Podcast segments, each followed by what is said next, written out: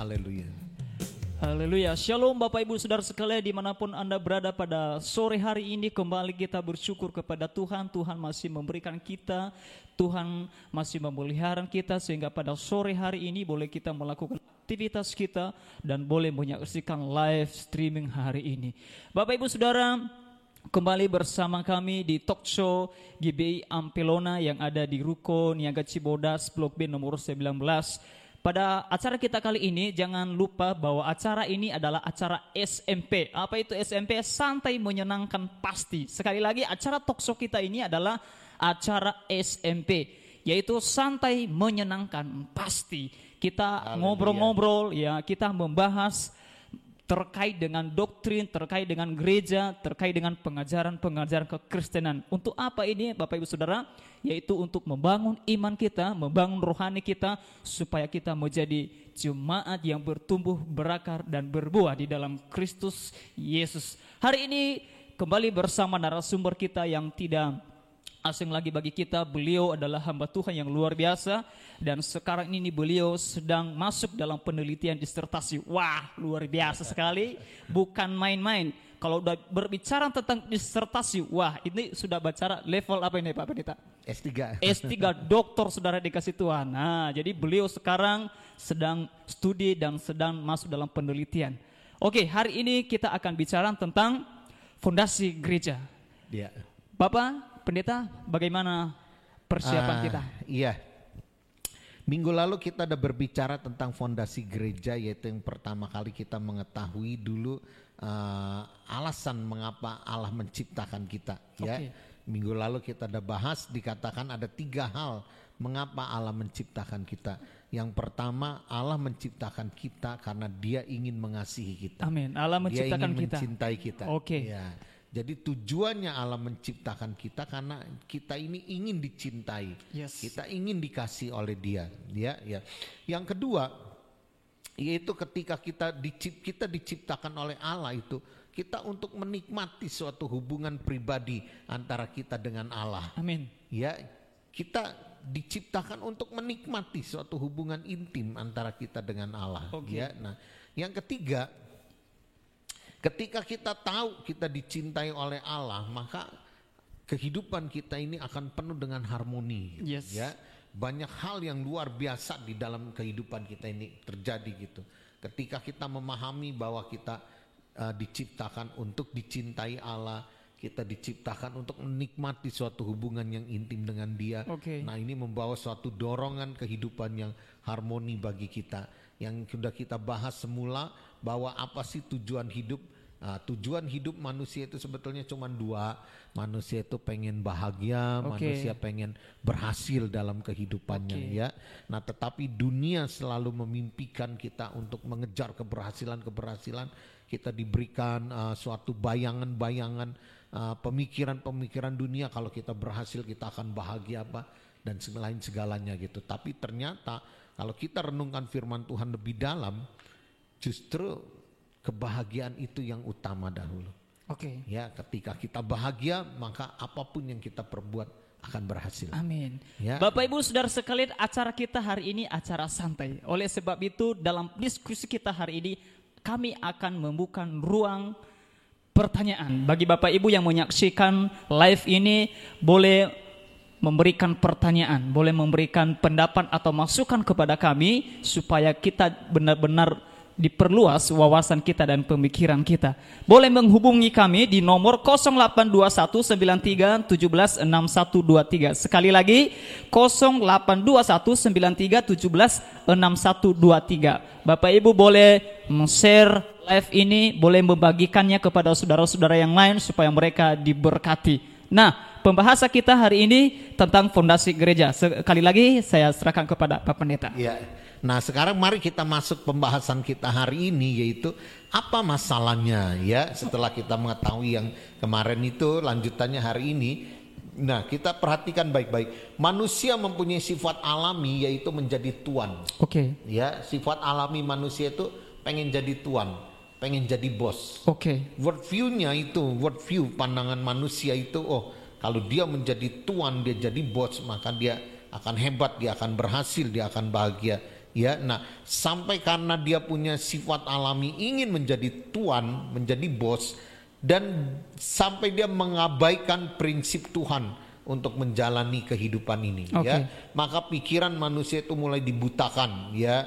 Dia selalu berpendapat gini pikirkan urusanmu sendiri nggak usah mikirin yang lain-lain ya jika rasanya enak lakukan itu. Terlepas apakah Tuhan suka apa nggak suka melanggar atau tidak pokoknya kalau memang itu enak bagimu lakukan. Oke. ya nah ini hidup saya.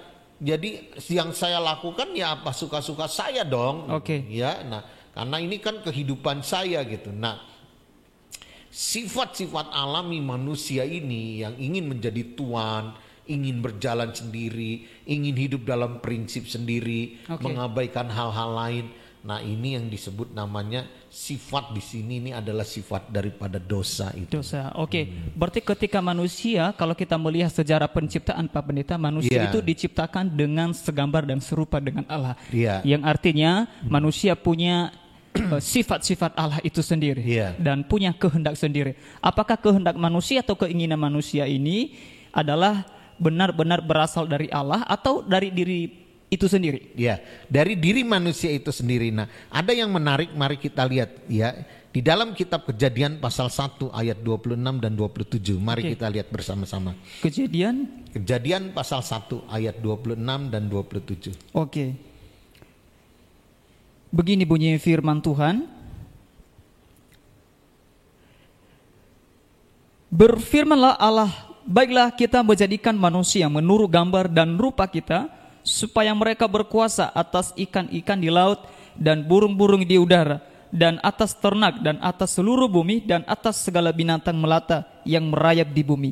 Maka Allah menciptakan manusia itu menurut gambarnya, menurut gambar Allah diciptakannya dia, laki-laki dan perempuan, diciptakannya mereka. Ya, nah ada hal yang menarik dalam ayat 26 ketika Allah berencana, Allah berencana Oke. menciptakan manusia, maka dia dikatakan mari kita akan menciptakan manusia menurut gambar, Gambar dan, dan rupa. rupa Allah. Ya, ada dua kata gambar dan rupa, segambar dan serupa. Ya, Oke. jadi segambar itu dikatakan image, serupa itu likeness. Oke. Ya, jadi image and likeness dalam bahasa Ibraninya dikatakan selem demut.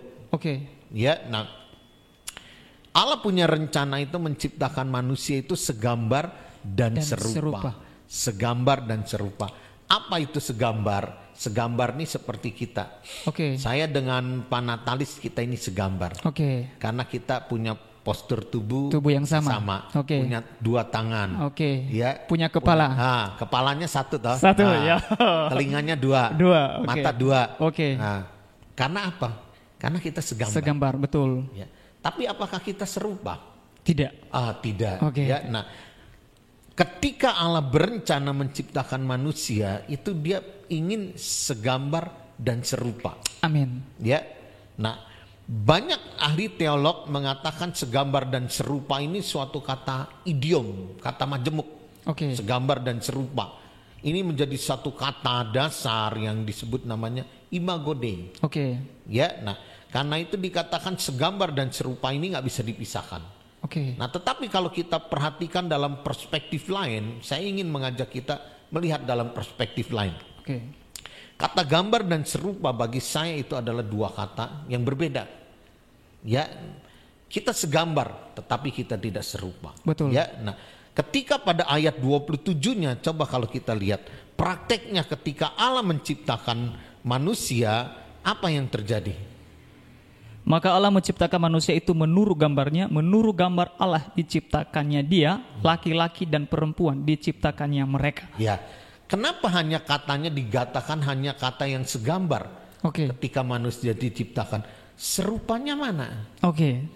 Kata serupa hanya ada di dalam ayat 26. 26. betul. Hmm.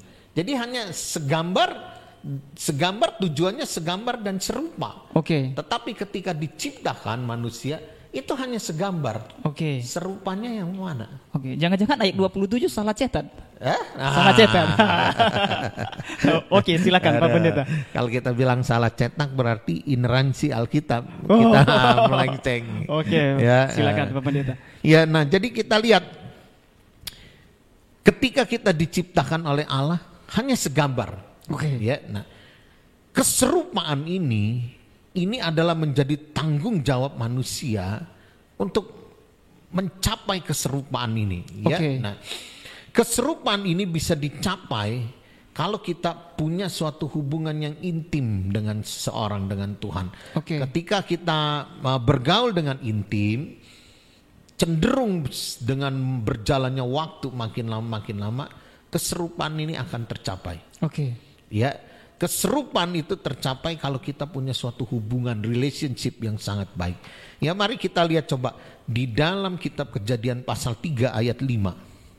Oke, kejadian 3 ayat, Ayat 5, lima, begini ya. bunyi firman Tuhan. Tetapi Allah mengetahui bahwa pada waktu kamu memakannya, matamu akan terbuka dan kamu akan menjadi seperti Allah, tahu tentang yang baik dan yang jahat. Iya, ya. Nah, jadi ketika iblis berbicara kepada manusia, iblis menyodorkan suatu konsep. Oke. Kamu itu hanya diciptakan oleh Allah hanya segambar. Yes. Nah, kalau kamu ingin juga serupa dengan Allah, ini ada jalan pintasnya. Oke. Makanlah buah itu.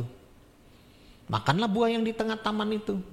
Maksudnya ini Tuhan suruh untuk makan atau Bukan. Oke. Tuhan tidak menyuruh, tapi Oke. manusia tahu dia hanya segambar keserupannya dia belum capai. Oke. Karena itu iblis menawarkan suatu godaan kepada manusia untuk coba makan itu. Berarti Ya. di sini iblis berperan untuk Iya, mendorong menggoda. manusia supaya manusia itu bisa Iya. serupa dengan Allah. Ah, menjadi Oke. mengambil jalan pintas Oke. mencapai keserupaan itu. Oke. Ya dengan cara apa? Kamu makan buah pengetahuan itu. Tetapi setelah manusia memakan buah po- pohon ini, apakah manusia sudah Ternyata serupa? Itu tipuan, Oh. dari iblis. Ternyata manusia tidak serupa dengan Allah. Gak bisa. Oke, berarti Ya. berarti di sini manusia punya keinginan untuk serupa dengan Allah. Betul. Oke. Karena itu iblis menawarkan jalan pintas. Tetapi yang sesungguhnya Ya, yang nah. Tuhan mau serupa di sini seperti apa, Pak Pendeta? Nah, nanti kita lihat satu-satu ya. Nah, jadi keserupaan ini sebetulnya akan dicapai untuk waktu yang lama. Oke.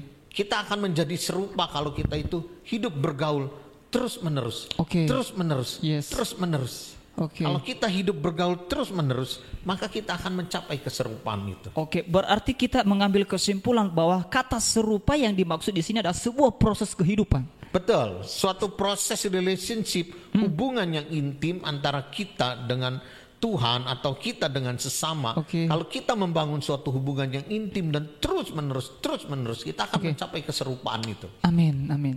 Ber- nah. Oke, berarti di sini kita ambil eh, garis eh, penentuannya bahwa serupa itu hanya dapat oleh manusia ketika ia membangun hubungan dengan Allah. Betul. Hubungan Nah. yang dimaksudkan di sini seperti apa, Pak Pendeta? Hubungan suatu relationship. Oke, dalam hal Ya, dalam hal hubungan keintiman. Oke. Contohnya seperti seorang suami dan istri. Oke. Seorang suami dan istri ya, mereka ketika menikah mereka hanya segambar. yes, Ya, nah ketika mereka terus bergaul intim dalam tahun ke tahun ke tahun ke tahun terus dalam suatu proses kehidupan, maka suami istri ini semakin intim mereka akan mencapai keserupaan. yes. Ya, nah keserupaan itu akan mereka capai. Oke. Sehingga apa yang ada di hati orang itu dengan hati yang pasangannya mereka selalu mengerti. Oke. Nah, karena keserupaan itu tercapai dan Allah menghendaki ini. Ada suatu ayat juga yang penting yang ingin saya sampaikan kepada kita. Oke. Ya, di dalam kitab Kejadian pasal yang kelima, Oke.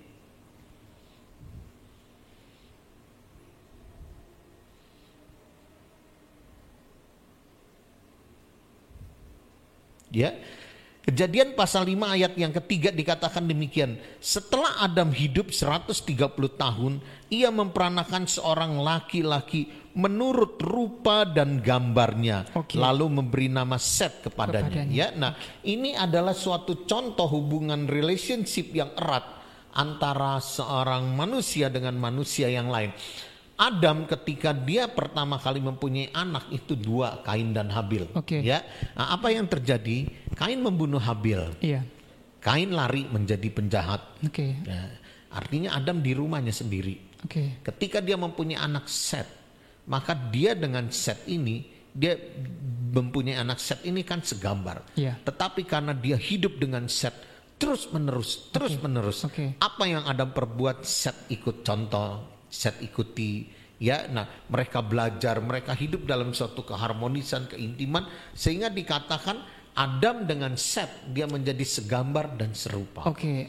Karena Adam dan Set selalu Hidup ber- bersama. Hidup bersama. Ya. Oke. Sementara si Kain tadi lari. Lari ya, Di lari. hadapan. Kan dia tidak ada di hadapan, uh, tidak tinggal bersama dengan ayahnya lagi. Oke, berarti kata keserupaan yang dimaksudkan di sini adalah kita memiliki suatu usaha bagi usaha. kita. Iya, Ya usaha. untuk membangun suatu relationship yang terus menerus terus menerus. Oke. Ya, nah demikian juga kita diberikan contoh teladan ketika Kristus ada bagi kita, Kristus hadir bagi kita, dia menyatakan dirinya, ya, dia menjadi Allah yang Immanuel bagi kita. Kita itu mempunyai suatu peluang untuk kita mempunyai suatu hubungan yang intim dengan Yesus Kristus Oke. melalui Roh Kudus sehingga kita membangun suatu hubungan yang intim dan terus menerus maka kita mengatakan pada ending akhir kehidupan kita kita akan mencapai keserupaan dengan Kristus Oke. karena itu visi bagi kita Christ likeness itu suatu tujuan bagi kehidupan kita kita mengejar Christ likeness ini Amin. Ya, nah artinya apa? Setelah kita diciptakan segambar oleh Allah, kita mengejar keserupaan ini. Oke. Keserupaan seperti Allah itu keserupaan apa? Keserupaan seperti Kristus. Oke. Sehingga kita bukan hanya image daripada Allah, tetapi kita juga likeness daripada Iya, Kristus. serupa dengan Kristus. Ya. Oke. Nah, berarti ketika kita melihat dalam konteks kitab Kejadian ini, maka kita menggenapi kitab Kejadian pasal 1 ayat 26 ini Oke. bahwa rencana Allah menciptakan manusia itu image and likeness ini sama Salem and Demuth Oke. dalam suatu hal seperti ini gitu. Oke. Oke Pak Pendeta, luar biasa pembicaraan kita bahwa manusia ini bukan hanya diciptakan segambar tapi juga serupa dan, Ingin mencapai dan keserupaan ya. itu adalah sebuah Ya. proses kehidupan Suatu proses manusia. dan tanggung jawab dari manusia Oke. untuk dia mencapai keserupaan diri. Oke. Berarti berbicara tentang keserupaan bukan berbicara tentang fisik, tapi berbicara tentang apa? Oh, Sifat. semua, semua, Oke. termasuk semua, Oke. termasuk fisik pun kalau kita lihat, toh kita banyak kesaksian. ah, kalau kita lihat oma, opa Oke. yang yang sudah mereka udah menikah itu usia perkawinnya di atas 50 tahun, di atas 60 tahun. Oke. Kenapa opa dan oma itu kok wajahnya makin lama mencapai serupa, Serupa, gitu. oke. Ya kan kita ada foto-foto lama. Kenapa Oke. keserupaan itu tercapai secara fisik? Karena mereka hidup bersama Hmm. dalam suatu ikatan emosi yang sama. Oke. Ya, ketika si opa ditagih tukang kredit, motornya nunggak nggak Oke. bisa cicilan, oma juga akan Ikut. gemeteran. Oh. Ya. Haleluya. Otomatis tarikan-tarikan wajahnya ketika mereka berdua stres akan Oke, sama. berarti apa yang dialami oleh suami Ya dialami juga, oleh oleh istri, ya, Ah, itu kan keterlibatan emosional. Oke. Demikian juga dengan kita dengan Kristus, dengan Oke. Yesus. Artinya ketika kita di dalam suatu pergumulan, percayalah Kristus pun juga ikut bergumul bersama-sama dengan kita. Amin. Ya, jadi Hmm. ada suatu keterlibatan emosional yang yang sama. Ketika Kristus mengatakan kepada kita, kasihi tetanggamu, kita pun juga terlibat dalam emosional yang sama untuk mengasihi tetangga kita. Oke. Nah, pertanyaan selanjutnya Pak Pendeta, keserupaan ini apa sih yang harus kita lakukan supaya itu benar-benar terjadi bagi kita selain dari membangun hubungan tadi di hadapan Tuhan? Gak ada lagi ya kita ada harus lagi. intim dengan Tuhan. Oke. Apa yang Tuhan pikir di hati dia kita pun juga harus ikut merasakan. Oke. Ya artinya apa yang kita pikir juga Tuhan juga akan merasakan. Amin. Ya nah ini yang kita bilang Christ likeness gitu. Oke. Keserupaan dengan Kristus. Kalau Oke. kita dari Gereja Bethel Indonesia ini adalah misi daripada Gereja Bethel Indonesia. ah, visinya adalah keserupaan dengan Kristus. Menjadi seperti Kristus. Iya. Luar biasa. Ya. Bapak Ibu Saudara sekalian di mana pun Anda berada luar biasa dalam sesi kita ini kita percaya bahwa kita adalah diciptakan segambar dan yang serupa dengan Allah dan keserupaan itu kita harus capai dengan membangun hubungan. Ya, kita perjuangkan Berjuang. kehidupan kita, kita berjuang Amin. untuk mencapai keserupaan itu. Oke. Kalau segambarnya udah Oke, secara ya. otomatis kita diciptakan segambar. Oke. Oke Pak Pendeta, lanjut lagi pembahasan Ya, kita nah. Jadi ketika manusia itu terlepas daripada rencana Tuhan mereka nggak mengerti. Manusia itu ingin jadi tuan seperti Adam dan Hawa. Oh, saya jadi bos nggak usah pusing lah mikirin apa-apa. Ngapain uh, mikirin mencapai keserupaan seperti Tuhan apa udah yang penting dan tiba-tiba iblis juga menawarkan, oh ini jalan pintas nih, makan aja buah pengetahuan, maka kamu akan serupa, langsung kamu akan mencapai keserupaan itu. Oke. Nah ini adalah sifat daripada dosa ya. Mari kita lihat di dalam Yesaya pasal 53 ayat 6. Yesaya pasal 53 ayat 6. Oke.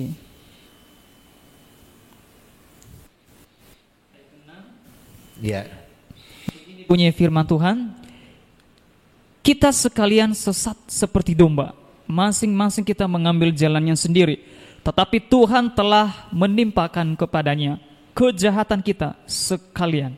Ya, dikatakan kita sesat seperti domba. Oke. Kita mengambil jalan kita masing-masing ya. 1 Yohanes 1 ayat 8. 1 Yohanes 1 Ayat 8.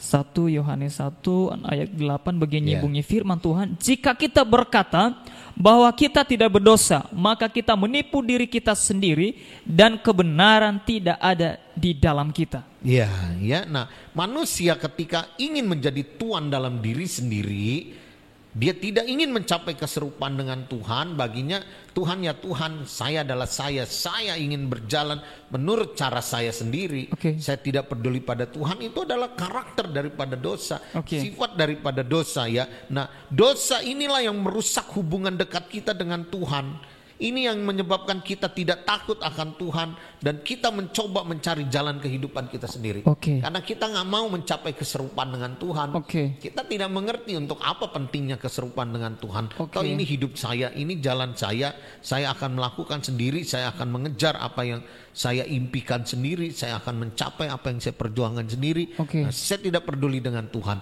Nah, inilah yang merusak hubungan kita dengan Tuhan. Coba bayangkan kalau kita dalam hubungan seperti itu dengan Tuhan, kita semua akan binasa. Oke. Kita semua akan tidak akan bisa mencapai keserupaan dengan Kristus. Oke. Nah, menarik tadi pembicaraan kita Pak Pendeta mengenai kejatuhan manusia di dalam Ya. dosa oleh karena keinginan.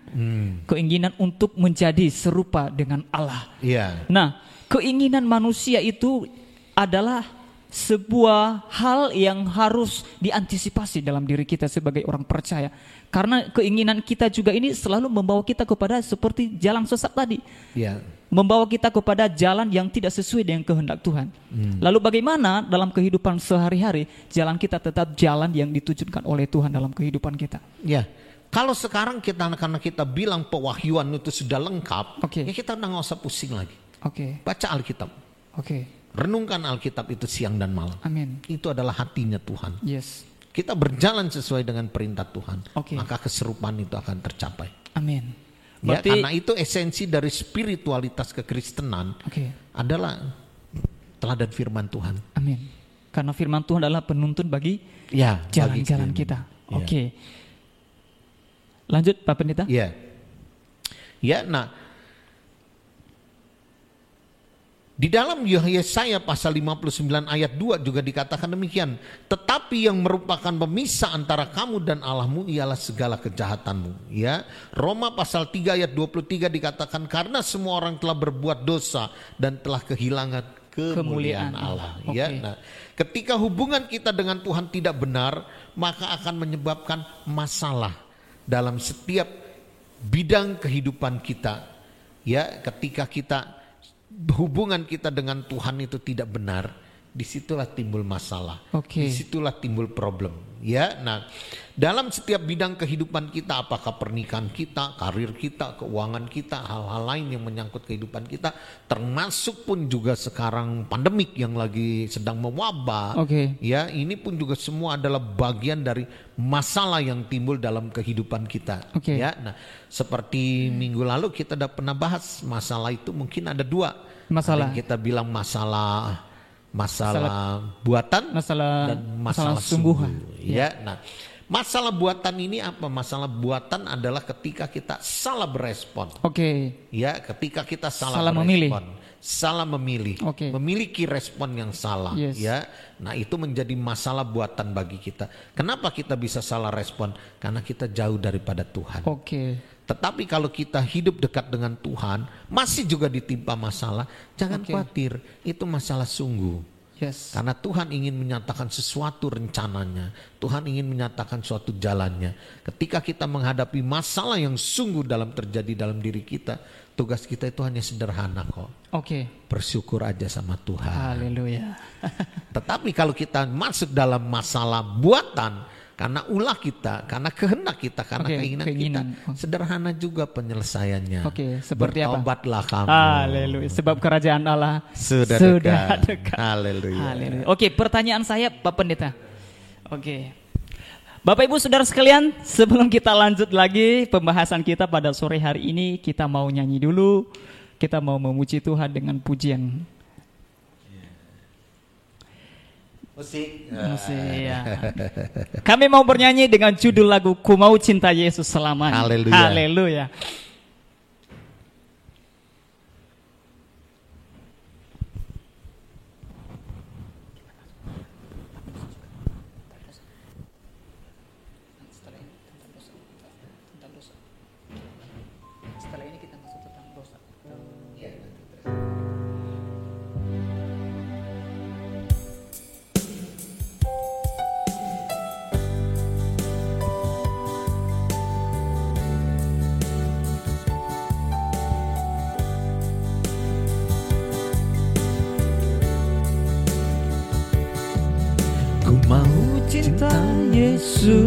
Selamanya.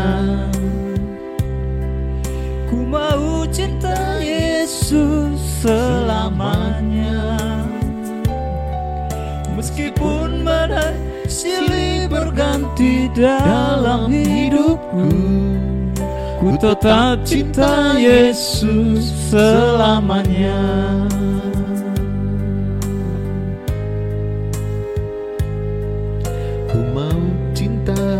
Yesus selamanya. Ku mau cinta Yesus selamanya. Meskipun badai silih berganti dalam hidupku Ku tetap cinta Yesus selamanya Ya Aba, Bapa Ini aku anakmu Layakkanlah seluruh hidupku. Ya Aba, Bapa Ini aku anakmu. Pakailah sesuai dengan rencanamu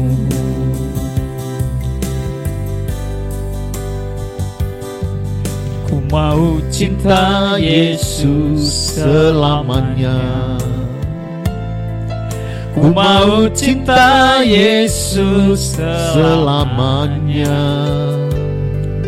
Meskipun badai silih berganti dalam hidupku Ku tetap cinta Yesus selamanya.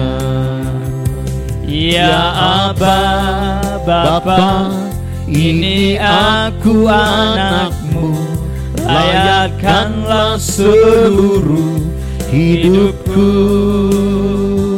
Ya Aba, Bapa, ini aku anakmu. Pakailah sesuai dengan rencanamu. Pakailah sesuai dengan rencanamu Pakailah sesuai dengan rencanamu.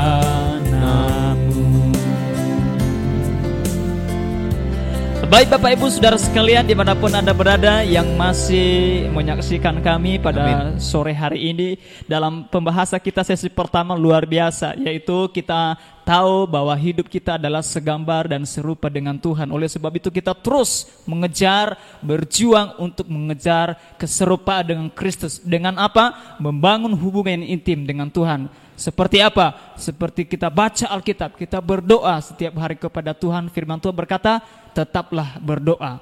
Oke. Sekali lagi kami memberitahukan kepada Bapak Ibu Saudara sekalian kalau Bapak Ibu mau bertanya tentang pembahasan kita pada sore hari ini, boleh ya mengkomentar live kami ini dan juga boleh menghubungi kami di nomor 0812 9317 6123. Sekali lagi 0812 93 176123. Oke, sekarang kita masuk dalam pembahasan sesi kedua. Saya serah kepada Pak Pendeta. Ya, ya. Nah, jadi ketika orang-orang memiliki masalah, mereka sering mencoba banyak cara untuk mengatasinya sendiri. Oke, dengan ya, kekuatannya sendiri. Dengan kekuatannya Berjuang sendiri. sendiri. Berjuang sendiri. Oke. Ya, nah. Sebelum kembali kepada Allah ya. Oke. Jadi kalau belum mentok, belum nyari Allah. Belum. Gitu, ya. Ketika orang mengalami masalah, mereka selalu mencoba. Wah, ya. lari sana, Dalam lari sini. Amsal 16 ayat 25 dikatakan ada jalan yang disangka lurus, tetapi ujungnya menuju maut. Ya. Bahkan ketika kita tahu bahwa kebutuhan terdalam kita adalah Tuhan, ya, kita tahu nih kebutuhan terdalam kita adalah Tuhan. Oke. Kita butuh Tuhan. Kita sering men- mencoba mencari cara yang salah untuk mengenal Tuhan. Oke. Ya, udah tahu kita butuh Tuhan. Kita harus cari Tuhan. Yes. Tapi cara kita mencari Tuhan dengan cara yang salah juga. Oke. Kita menganggap enteng. Kita akan mengatakan, ah cari Tuhan yang nggak usah pusing-pusing. Mami saya kan orang Kristen. Yes. Keluarga saya orang Kristen. Ah Oke. pasti Tuhan tolong saya. Yes. Ya, nah atau kita berpendapat tidak ber, berpandangan begini lagi. Tidak penting apa kepercayaanmu. Yang penting kita kalau kita jadi orang baik, pasti juga langit akan memberikan kebaikan pada kita. Oke. Ya, nah kita mengambil eh, konsep-konsep yang salah. Saya akan meninggalkan semua kebiasaan buruk saya. Oh, karena saya punya masalah besar ini karena kebiasaan buruk saya. Udah saya tinggalin. Kalau saya tinggalin kebiasaan buruk saya juga pasti nanti saya akan berubah. Ah, nanti rezeki akan berubah. Oke. Ya, kehidupan akan berubah. Ya.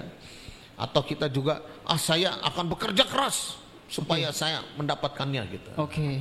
Ya jadi sering kali kalaupun kita tahu kita punya kebutuhan akan Tuhan, Yes. kita cara berjalan kita, Oke. cara menghampiri Tuhan, Oke. ya itu kita juga sering kali tersesat kita jalan, jalan-jalan kita itu, langkah-langkah kita, ya. Nah, sebetulnya apa jalan keluarnya sebetulnya bagi kita orang-orang yang di dalam masalah, jadi kita akan mengatakan begini, ah, istilah kasarnya gitu ya. Jangan sok pinter lu. gitu. Oke. Nah, Sok ya. tahu. Sok tahu lu. Oh, gitu. sok bisa, sok mampu. Sok bisa lu. ah, ya. Oke, Jadi oke. itu karena apa? Karena manusia berpikir, oh dengan pengalaman dia, dengan apa dia, Oh, "Oh, ini kok bisa. begini kok. Dengan gitu." kepintarannya. Ya, Dengan Oke. kepintarannya, dengan asumsinya, Yes. semua. Ya manusia mengambil ini. Oke. Yohanes pasal 14 ayat 6. Yohanes 14 ayat 6. Oke, begini Yeah. bunyi firman Tuhan. Kata Yesus kepadanya, "Akulah jalan dan kebenaran dan hidup. Tidak ada seorang pun yang datang kepada Bapa kalau tidak melalui aku." Amin. Ini kata kuncinya. Ya, ini jalan yang benar. Ah. Oke. Jadi di sinilah letaknya gitu. Oke. Orang-orang yang mengerti bahwa Yesus Kristus dialah jalan kebenaran Benar dan, hidup. Nah, Oke. Jadi nggak ada yang lain lah, Yes. nggak ada yang lain. Jangan sok pinter lah Oke. gitu ya. Oh jangan mentang-mentang saya kan lahir dari keluarga Kristen apa semua. Oke. Oh opung saya dulu juga yang bangun gereja ini, bangun gereja itu. Oke. Nah, saya nggak ke gereja juga nggak apa-apa. Pasti Tuhan juga tahu saya ini keturunan siapa. Oke. Ya. Oke. Nah, padahal manusia melakukan itu dia ingin mengambil jalan pintas Jalan saja. pintas, yes. Dia nggak mau dia mencari Tuhan secara pribadi. Oke. Dia tidak mau membangun hubungan pribadi dengan. Tuhan. Ya, nah, bagi dia ya itu kan konsep-konsep yang melelahkan. ya konsep-konsep yang ah, bagi dia udahlah nggak benar seperti Oke. itu ya. Nah. Di dalam hal ini kita harus percaya juga Tuhan sendiri datang ke dunia sebagai manusia untuk membawa kita kembali kepadanya. Oke. Jika ada cara lain, Yesus Kristus tidak akan datang. Jalan ini adalah jalan melalui pribadi Kristus. Oke. Ya, nah karena itu mari kita lihat juga di dalam ah, Injil Yohanes pun juga ah, mengatakan demikian ya di dalam Injil Yohanes dikatakan bukan kamu yang mencari aku, Yes. tapi akulah Aku yang yang mencari mencari. kamu. Oke. Di mana itu? Yohanes 15 ayat yang ke-16 kita lihat. Yohanes 15 Hmm. ayat ke-16. 16. Begini bunyi firman Tuhan. Bukan kamu yang memilih aku, tetapi akulah yang memilih kamu. Dan aku telah menetapkan kamu supaya kamu pergi dan menghasilkan buah, dan buahmu itu tetap. Supaya apa yang kamu minta kepada Bapa dalam namaku diberikannya kepadamu. Amin. Ya, ya. Nah, di sini ada dua sisi yang menarik sekali gitu. Ya. Uh, coba uh, Pak Natalis. Ya. Apakah Bapak Natalis percaya sama Yesus? Amin, percaya. Uh, apakah menerima Yesus sebagai Tuhan dan Juru Selamat? Amin. Apakah memilih Yesus untuk menjadi Tuhan bagi Pak Natalis? Amin. Ya. Jadi Pak Natalis yang memilih dia menjadi Tuhan Oke. atau Tuhan yang memilih Pak Natalis? Sesuai dengan ayat ini, Ya. dia yang memilih. Ah, Iya. Tapi kenapa prakteknya kita pun memilih? Oke. Ya, nah, jadi di sini ada dua sisi pandangan yang sangat menarik sekali. Yes. Ketika saya memilih Yesus sebagai Tuhan dan Juru Selamat saya, amin. Amin. Saya memilih Dia. Oke. Saya memilih Dia. Berarti inisiatif Dengan sendiri. kesadaran inisiatif saya, saya memilih Dia. Yes. Dengan iman saya. Oke. Tetapi dari sisi Kristus pun, Dia. Dia berkata kepada saya, Oke. bukan kamu yang memilih aku, Yes. aku yang memilih kamu. Wow, luar Ah, biasa. Berarti ini ada dua sisi. suatu, Suatu ikatan ungkapan cinta yang sangat dalam Oke. antara kita dengan Yesus. Tapi dua sisi ini kan ada bis ada hal negatifnya juga Pak Pendeta. Misalnya kalau seandainya Tuhan memilih kita, lalu manusia nggak memilih Tuhan. Bagaimana dengan Nah, tidak akan terjadi. Oh tidak berarti akan terjadi. terjadi kepada Seperti orang cinta bertepuk sebelah tangan. Oke. Justru yang saya ingin ungkapkan ayat itu adalah Yes. cinta yang bertepuk dengan dua buah tangan. Wow, luar Ketika biasa. saya memilih Yesus, Oke. ternyata dia pun mengatakan, aku pun memilih kamu. Oke. Nah Yes. itulah yang memberikan kita kekuatan. Inilah Yesus Kristus, dialah jalan kebenaran, Kebenaran dan, hidup. Ah, Ya, Amin. jadi kita mengambil langkah yang tepat. Kita sangat tepat sekali memilih dia. Oke. Karena dia pun juga akan berkata, bukan kamu yang memilih aku, aku yang memilih kamu. Oke. Cinta yang bertepuk dengan dua belah tangan. Yes. Tapi pertanyaan Ya. Pak Pendeta adalah sejak kapan sih Tuhan Yesus memilih manusia atau kita atau saya atau Pak Pendeta? Sebelum saya dilahirkan, Oke. Yesus sudah memilih saya. Yes. Bahkan sebelum saya dilahirkan, sebelum saya berbuat dosa, Oke. dia telah menebus dosa saya. Oke. Ah, Oke. Buktinya apa? Oke. Buktinya Yesus waktu lagi mati di kayu salib tahun berapa? Tahun 2000-an. Tahun 2000-an Yesus mati di kayu salib. Yes. Saya rasa tahun 33 kali kali. Lama sekali. Betul ya, sudah lama tahun Iya. 33 sebelum tahun 33 Masehi. Oke. Apakah kita udah lahir tahun 33? Belum dong. Nah, artinya sebelum kita lahir pun dia sudah mati Sudah bagi mati kita. bagi kita. Oke. Dia telah menebus dosa kita. Oke. Sebelum kita berbuat dosa, dia sudah menebus duluan. Yes. Ya, bahkan ayatnya juga dikatakan sebelum dunia dijadikan aku telah merancang kamu. Oke. Aku telah memilih kamu, aku menetapkan kamu. Amin. Amin. Ya. Nah, dosa kita ini Pak Pendeta tadi sudah dikatakan bahwa Tuhan itu meng- mengampuni atau menghapuskan dosa kita sebelum pun kita lahir ataupun sebelum kita berbuat dosa Tuhan sudah ampuni kita. sudah ampuni kita. Sejak kapan ini berlaku, Pak Pendeta? Sejak sejak kehidupan kita. Sejak kehidupan sampai nanti kita sampai nanti terus akhir zaman. sampai akhir zaman karena Wow. keselamatan itu sesuatu yang kekal. Luar biasa. Bapak Ibu Saudara sekalian, hanya Yesus Kristuslah yang mengampuni dosa-dosa manusia. Mulai kapan? Sebelum kita lahir, bahkan sampai akhir zaman. Tuhan tetap Yesus, dia mengampuni kita. Oke, silakan lagi Ya, Pendeta. nah. Jadi Yesus Kristus karena dia yang telah memilih kita, dia menetapkan kita, berarti dia ini telah mengambil alih segala dosa kita. Oke. Ya, jadi pola pikir kita yang sesat, dosa kita apa semua, perbuatan-perbuatan dosa kita, ya. Nah, Yesus Kristus ini telah mengambil alih segala dosa-dosa kita. Oke. Ya, di dalam Roma pasal 6 ayat 23 dikatakan upah dosa ialah maut, Maut. tetapi kasih karunia Allah hidup kekal di dalam Kristus Yesus, ya. Oke. Nah, berarti upah dosa ini adalah maut. Dan apa yang terjadi? Dia ambil maut itu. Oke. Dia mati bagi kita di kayu salib. Yes. Maut itu dia ambil, diambil alih oleh Kristus. Oke. Seharusnya kita yang mati, kita yang binasa, Oke. tapi dia yang ambil alih semua. Ya. Nah Tuhan melakukan ini karena dia mengasihi kita dan dia rindu kita tuh membangun suatu hubungan yang intim dengan dia. Amin, amin, amin. Ya, karena itu di dalam Roma pasal 5 ayat 8 juga dikatakan demikian. Akan tetapi Allah menunjukkan kasih setianya kepada kita oleh karena Kristus telah mati untuk kita ketika kita masih berdosa. Oke. Kita masih berdosa, dia udah mati bagi kita. Oke. Ya. 1 Timotius pasal 2 ayat 5 dikatakan karena Allah itu Esa dan Esa pula dia yang menjadi pengantara antara Allah dan manusia yaitu manusia Kristus Yesus ya. Nah, Tuhan telah melakukan bagiannya untuk memulihkan hubungan kita dengannya. Dia mengambil inisiatif. Sekarang dia meninggi menunggu kita untuk menerima apa yang telah dia lakukan untuk kita. Oke. Ya, nah, jadi setelah dia perbuat semua, sekarang Yesus Kristus menunggu kita. Oke. Ya, Saya masih penasaran ini Pak Pendeta mengenai dosa tadi ini. Tadi Pak Pendeta menjelaskan bahwa dosa yang diampuni Tuhan itu adalah dosa yang belum ada pun kita dia sudah mengampuni kita. iya. Nah, dosa apa itu Pak Pendeta? Semua dosa. Oke. Dari dosa asal, dosa perbuatan, Oke. dosa pikiran kita, Oke. dosa karena kita apa pun juga. Oke, tapi kalau seandainya manusia kalau masih jatuh ke dalam dosa, berbuat kesalahan, apakah tetap ada pengampunan Ya, bagi manusia itu sendiri? manusia harus ada dua, ada dua jenis dosa pada diri manusia yaitu ketika manusia jatuh dalam dosa, kalau manusia itu sadar dan dia bertobat, Tuhan akan ampuni. Amin. Tuhan akan ampuni. Yes. Ya, kalau dia jatuh dalam dosa. Tetapi kalau ada manusia yang hidup dalam dosa, nah ini yang menjadi problem. Oke. Ya, jadi antara jatuh dalam dosa dan hidup dalam, Dalam dosa. dosa, itu adalah suatu konteks yang berbeda. Oke.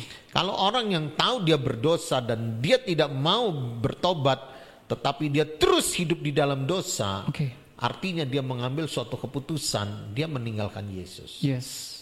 Ya, kalau terus dia hidup di dalam dosa, dia terus hidup di dalam dosa tanpa dia punya kerinduan untuk keluar dan bangkit Oke. dari sifat dari perbuatan-perbuatan itu, Oke. saya rasa binasalah dia. Yes. Ya, jadi walaupun orang mengatakan, "Oh, apakah kehidupan kekal itu akan terus selamanya keselamatan itu terus akan ada pada kita?" Ya. Betul, keselamatan itu terus akan ada pada kita. Oke. Tetapi kalau kita hidup terus di dalam dosa, itu artinya kita menyangkal keselamatan itu. Oke. Berarti boleh kita ambil kesimpulan bahwa ada juga dosa yang tidak diampuni Tuhan, Pak Pendeta. Ada. Oke. Ya. Dosa apa itu Pak Pendeta? Dikatakan dalam firman Tuhan itu dosa menghujat Roh Kudus. Oke. Ya, itu dosa yang tidak terampuni. Oke. Pertanyaannya kenapa kita bisa menghujat Roh Kudus? Yes. Karena kita hidup di dalam dosa. Oke. Kita menyangkal kebenaran Dia. Kita menolak kebenaran Dia. Kita tidak memandang yang Yesus sendiri mengatakan akulah jalan kebenaran dan jalan kebenaran, akulah jalan kebenaran, Kebenaran dan, dan hidup. hidup. Kita menyangkal itu. Oke. Berarti menghujat Roh Kudus ini bisa juga berlaku untuk manusia atau hanya orang-orang Farisi pada saat Yesus melakukan Tidak tanda semua melakukan pada mujizat? manusia, pada manusia modern sekarang pun terjadi, Terjadi. terjadi. Dalam hal seperti apa Pak Pendeta? Ah, saya nggak bisa bilang seperti apa karena Oke. kalau saya bilang berarti saya menghakimi. Oke. Tapi antara manusia itu sendiri dengan Tuhan yang tahu. Oke, berarti antara manusia dan Tuhan lah yang tahu. Oke, dalam pembahasan kita mengenai dosa, kita akan melihat eh, sejarah asal usul dosa tadi adalah dari Adam ketika ia menerima tawaran daripada iblis. Nah, kalau seandainya Adam waktu itu kan Pak Pendeta belum mati Tuhan Yesus. Apakah Adam masih Adam itu tetap selamat atau masuk surga? Karena Tuhan Yesus waktu itu belum ada Pak Pendeta, belum mati. Ya kalau kita masuk dalam pembahasan itu, itu Oke. nanti pembahasan teologis yang Oke. sangat panjang sekali Oke. ya. Apakah manusia-manusia yang mati sebelum Kristus menebus dosa, apakah diselamatkan atau tidak? Oke. Nah itu ada ayat ketika selama Yesus Kristus itu mati di kayu salib uh, pada hari uh, Sabtu sunyi itu dikatakan dia turun ke dunia orang mati. Oke. Dia mengklop, memproklamirkan dirinya, Dirinya. Dia adalah Mesias. Oke. Ya. Mungkin dia berbicara di situ dengan orang-orang yang mati sebelum Kristus mati di salib. Oke. Ya, mungkin di situ penebusan dari itu. Tetapi uh, itu kita tidak bahas karena itu akan Oke, betul. Oke. panjang pembahasannya ya. Oke. Nah, kita nanti masuk ke ranah yang lain. Oke, oke. Ya, kita menyimpang dari pembahasan. Pembahasan kita. Nah, Oke. Jadi kembali kita tentang dosa ini ya. Nah, sekarang ibaratnya kalau kita katakan seperti bermain bola, Yesus telah memberikan bolanya kepada kita. Oke. Ya, nah sekarang sikap kita Oke. terhadap keselamatan itu, sikap kita terhadap hidup dosa kita. Oke. Nah, inilah yang menjadi fondasi daripada gereja. Gereja. Yes. Kalau orang-orang ini yang orang-orang mengerti tentang ini, ini adalah dasar kekristenan. Oke. Ya, inilah kita saya gereja, Natalis gereja. Gereja, betul. Ya, nah, saya organisme, Pak Natalis juga organisme. Organisme, betul. Ketika organisme dengan organisme kita bersehati, Oke. kita bersama, maka kita membentuk organisasi. Oke. Gereja itu pun juga suatu organisme dan juga organisasi. Organisasi. Ya, nah, Oke. fondasinya adalah apa? Orang-orang yang mengerti tentang keselamatan itu. Oke. Ya, nah, apa yang Allah ingin kita lakukan dalam kehidupan ini? Ya, Oke. setelah kita mengerti semua ini. Yang pertama, mengakui kita harus mengakui bahwa Tuhan tidak menjadi bahwa ya ketika kita mengakui bahwa Tuhan tidak menjadi prioritas utama dalam hidupmu dan mintalah karena itu mintalah pengampunan atas dosa-dosamu. Oke. Jadi maksudnya di sini yang pertama ya kita harus mengakui ya dan kita harus merubah sikap kita Oke. ya bahwa kita harus menjadikan Tuhan Yesus itu prioritas utama dalam kehidupan Oke. kita. Ya. Nah. Di dalam 1 Yohanes pasal 1 ayat 9 dikatakan demikian, jika kita mengaku dosa, ya jika kita mengaku dosa kita, maka ia adalah setia dan adil sehingga ia akan mengampuni segala dosa kita dan menyucikan kita dari segala kejahatan. Amin. Ya, nah, kita harus minta pengampunan dari dosa. Oke, berarti untuk kita lepas atau untuk kita diampuni adalah ada pengakuan atau Pengakuan, kesadaran betul, ya. bahwa saya adalah manusia Ya, berdosa.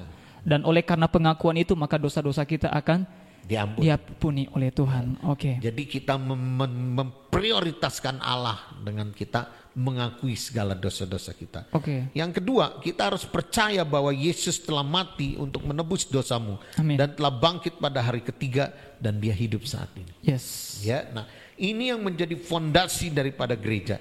Sebab jika kamu mengaku dengan mulutmu bahwa Yesus adalah Tuhan dan percaya dalam hatimu bahwa Allah telah membangkitkan dia dari antara orang mati, maka kamu akan diselamatkan.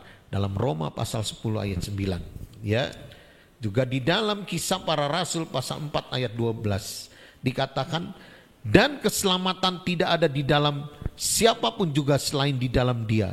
Sebab di bawah kolong langit ini tidak ada nama lain yang diberikan kepada manusia yang olehnya kita dapat diselamatkan. Amin. Ya. Nah, sikap kita yang Allah kehendaki adalah kita menerima hadiah keselamatan dari Oke. Tuhan. Ya, pertama kita memprioritaskan diri, kedua kita mengakui dosa kita, yang ketiga kita menerima, Menerima. ya, Oke. menerima hadiah keselamatan daripada Tuhan. Oke. Itu adalah suatu anugerah. Bagi Ya, manusia. nah, bagi kita. manusia. Oke. Allah mati bagi kita itu suatu anugerah. Anugerah itu apa? Allah berikan kepada kita tanpa kita berusaha. Secara cuma-cuma. Secara cuma-cuma Yes. tanpa kita berjuang, tanpa kita berusaha, Oke. Allah berikan kepada kita. Itu suatu anugerah. Oke. Untuk kita mengambil anugerah itu, itulah yang dikatakan namanya iman. Oke. Pada sisi Allah adalah anugerah, pada sisi manusia adalah iman. Iman. Oke. Ya. Anugerah ini tidak akan menjadi anugerah kalau kita tidak terima dengan, Dengan iman.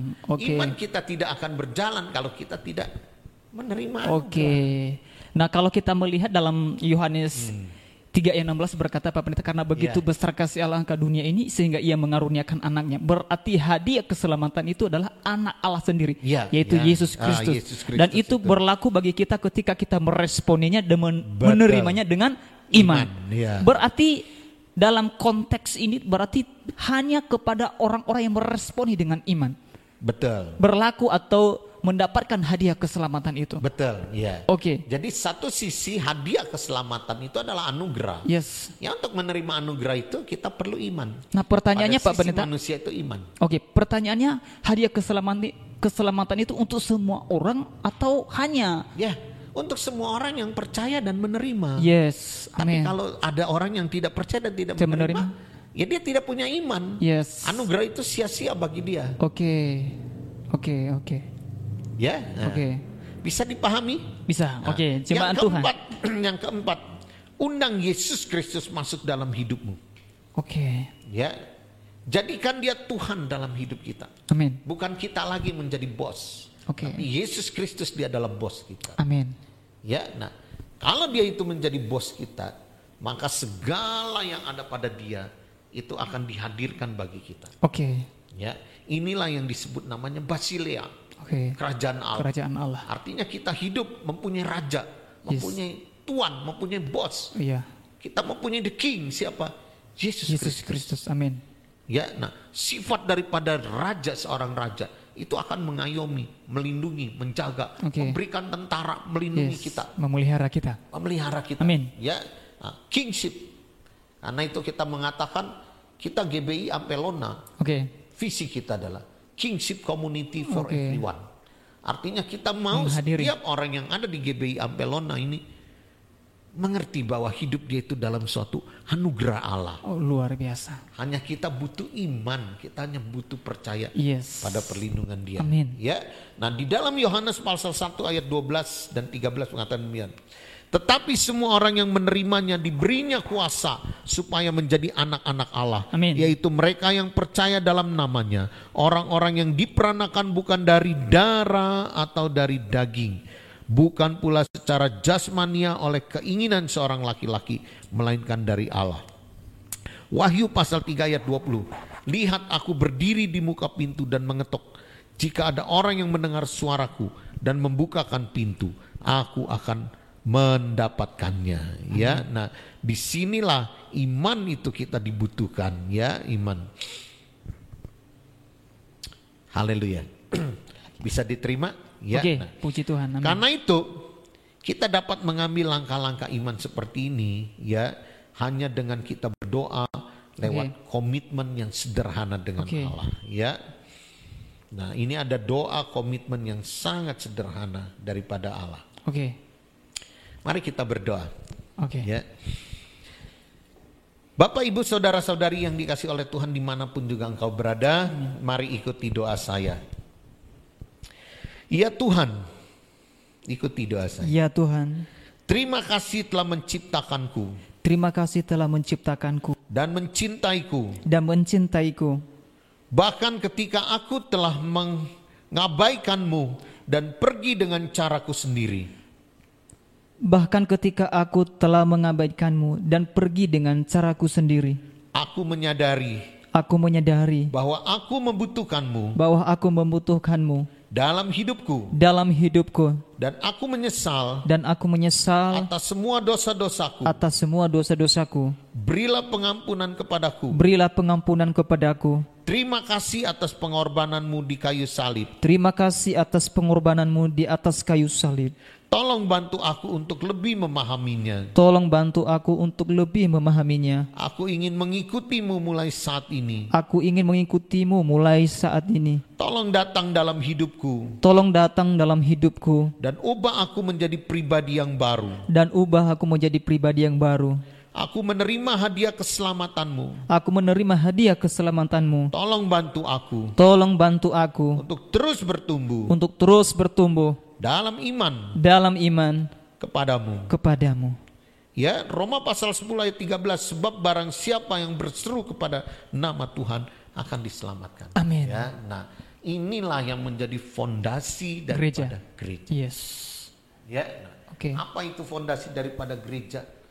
Jiwa-jiwa yang percaya kepada Kristus, Kepada Kristus. yang diselamatkan. Amin. Mereka adalah organisme-organisme ilahi. Yes. Mereka adalah organisme-organisme Kristus. Oke. Dan mereka berkumpul bersama-sama, mereka membentuk organisasi. Organisasi. Di mana organisasi ini akan mengayomi semua organisme. Amin. Dan organisme ini yang ketika berkumpul akan mendorong terjadinya organisasi. Oke. Bapak Ibu Saudara sekalian luar biasa pada hari ini pembahasa kita bahwa kita orang-orang yang sudah diselamatkan. Mari terus berjuang, terus maju, terus melangkah untuk memberitakan Injil Kerajaan Surga supaya banyak jiwa-jiwa lebih dan lebih lagi dimenangkan oleh Kristus. Oke, Bapak Ibu Saudara sekalian, inilah pembahasan kita hari ini. Ada dua sesi yang kita bahas. Yang pertama tadi fondasi gereja dan kedua tentang keselamatan. Dan hari ini sebelum kita mengakhiri, Pak Pendeta kita akan menyimpulkan atau memberikan pesan-pesan kepada gereja, kepada jemaat baik di Ampelona maupun yang di Kedang Wetan. Jemaat GBI Ampelona. Visi daripada GBI Ampelona adalah kingship community for everyone. Amin. Artinya apa? Kita adalah orang-orang yang menerima keselamatan daripada Kristus. Kita hidup dalam sifat karakter daripada Kristus yang menjadi raja kita. Dan dia yang mengayomi kehidupan kita. Dia menjaga kita dan dia melindungi kita. Amin. Kita membangun suatu komunitas. Setiap orang menjadi bilangan dari komunitas ini. Yaitu komunitas apa? Komunitas kerajaan Allah. Komunitas yang Allah, Tuhan Yesus Kristus menjadi raja dalam kehidupan kita. Karena itu mari jangan ragu-ragu. Bergabunglah di dalam GBI Ampelona. Amin. Oke, Bapak Ibu Saudara sekalian, demikianlah pembahasan kita pada sore hari ini dan kita ketemu kembali di hari Uh, Kamis. Kamis. Oke, Ya. hari Kamis Bapak Ibu Saudara kembali bersama dengan kami di talk show SMP yaitu apa? Santai menyenangkan pasti. Dari tadi pembicaraan kita sama Pak Pendeta luar biasa. Kami santai, kami menyenangkan dan pasti ini menyenangkan buat setiap orang yang mendengarkan. Amin, Pak Amin. Pendeta. Oke, terima kasih Pak Pendeta atas kehadirannya pada sore hari ini. Semoga Pak Pendeta sehat-sehat terus, maju terus dalam pelayanan dan supaya banyak jiwa-jiwa dimenangkan. Sebelum kita mengakhiri talk show kita ini, kami mengucapkan terima kasih kepada seluruh saudara-saudara, sahabat-sahabat, teman-teman di mana pun anda berada sudah menyaksikan live kami. Semoga live kami ini, pembahasan kami ini dapat menambah wawasan, memberikan kita inspirasi, motivasi, semangat baru untuk terus berjuang untuk mencapai keserupaan dengan Yesus Kristus. Amin, Amin. amin. Sebelum kita mengakhiri, Pak Pendeta berdoa kepada kita. Ah, baik, mari kita berdoa bersama-sama. Bapa, kami percaya Engkau adalah penebus kami. Amin. Engkau telah mati bagi kami. Engkau bangkit bagi kami. Engkau hidup selamanya bagi kami. Engkau curahkan roh kudus bagi kami. Karena itu sempurnakanlah iman kami Tuhan. Dengan terus kami menyatakan kepada dunia bahwa Engkaulah jalan. Engkau adalah kebenaran. Engkau adalah hidup di dalam semua aspek kehidupan kami. Di dalam nama Tuhan Yesus Kristus, berkati kami semua pada hari ini. Haleluya, haleluya, amin. Tuhan memberkati sampai hari Kamis depan.